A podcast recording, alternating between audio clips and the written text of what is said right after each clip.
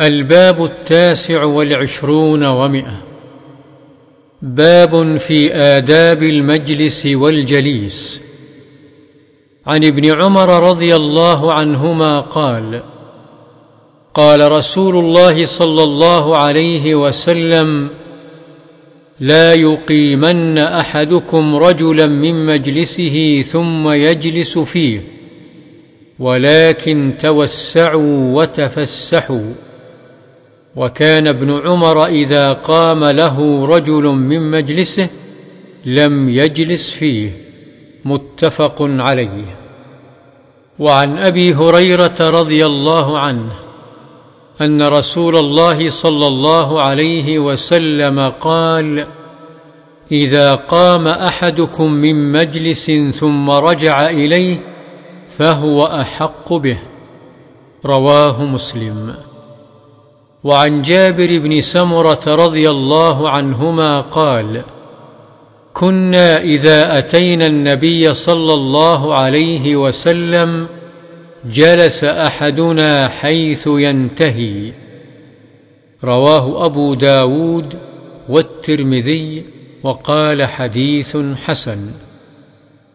وعن أبي عبد الله سلمان الفارسي رضي الله عنه قال قال رسول الله صلى الله عليه وسلم لا يغتسل رجل يوم الجمعة ويتطهر ما استطاع من طهر ويدهن من دهنه أو يمس من طيب بيته ثم يخرج فلا يفرق بين اثنين ثم يصلي ما كتب له ثم ينصت إذا تكلم الإمام إلا غفر له ما بينه وبين الجمعة الأخرى.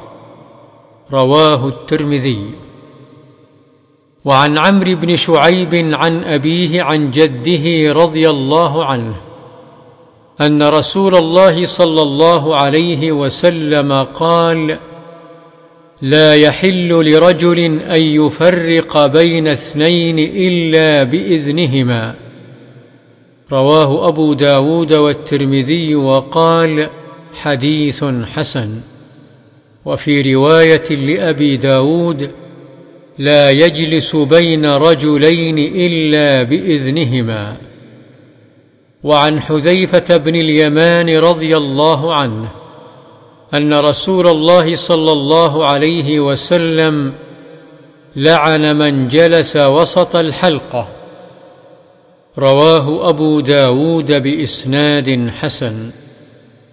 وروى الترمذي عن أبي مجلز أن رجلا قعد وسط حلقة فقال حذيفة ملعون على لسان محمد صلى الله عليه وسلم.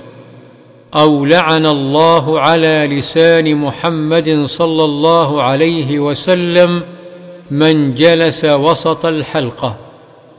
قال الترمذي حديث حسن صحيح. وعن أبي سعيد الخدري رضي الله عنه قال سمعت رسول الله صلى الله عليه وسلم يقول خير المجالس أوسعها. رواه أبو داود بإسناد صحيح على شرط البخاري. وعن أبي هريرة رضي الله عنه قال قال رسول الله صلى الله عليه وسلم من جلس في مجلس فكثر فيه لغطه فقال قبل أن يقوم من مجلسه ذلك سبحانك اللهم وبحمدك أشهد أن لا إله إلا أنت أستغفرك وأتوب إليك إلا غفر له ما كان في مجلسه ذلك. رواه الترمذي وقال حديث حسن صحيح. وعن أبي برزة رضي الله عنه قال كان رسول الله صلى الله عليه وسلم يقول بآخرة إذا أراد أن يقوم من المجلس سبحانك اللهم وبحمدك أشهد أن لا إله إلا أنت أستغفرك وأتوب إليك. فقال رجل يا رسول الله إنك لتقول قولا ما كنت تقوله فيما مضى. قال ذلك كفارة لما يكون في المجلس. رواه أبو داود ورواه الحاكم أبو عبد الله في المستدرك من رواية عائشة رضي الله عنها وقال صحيح الإسناد. وعن ابن عمر رضي الله عنه قال قلما كان رسول الله صلى الله عليه وسلم يقوم من مجلس حتى يدعو بهؤلاء الدعوات. اللهم اقسم لنا من خشيتك ما تحول به بيننا وبين معصيتك ومن طاعتك ما تبلغنا به جنتك ومن اليقين ما تهون به علينا مصائب الدنيا. اللهم متعنا بأسماعنا وأبصارنا وقوتنا ما أحييتنا واجعله الوارث منا واجعل ثأرنا على من ظلمنا وانصرنا على من عادانا. ولا تجعل مصيبتنا في ديننا ولا تجعل الدنيا أكبر همنا ولا مبلغ علمنا ولا تسلط علينا من لا يرحمنا. رواه الترمذي وقال حديث حسن.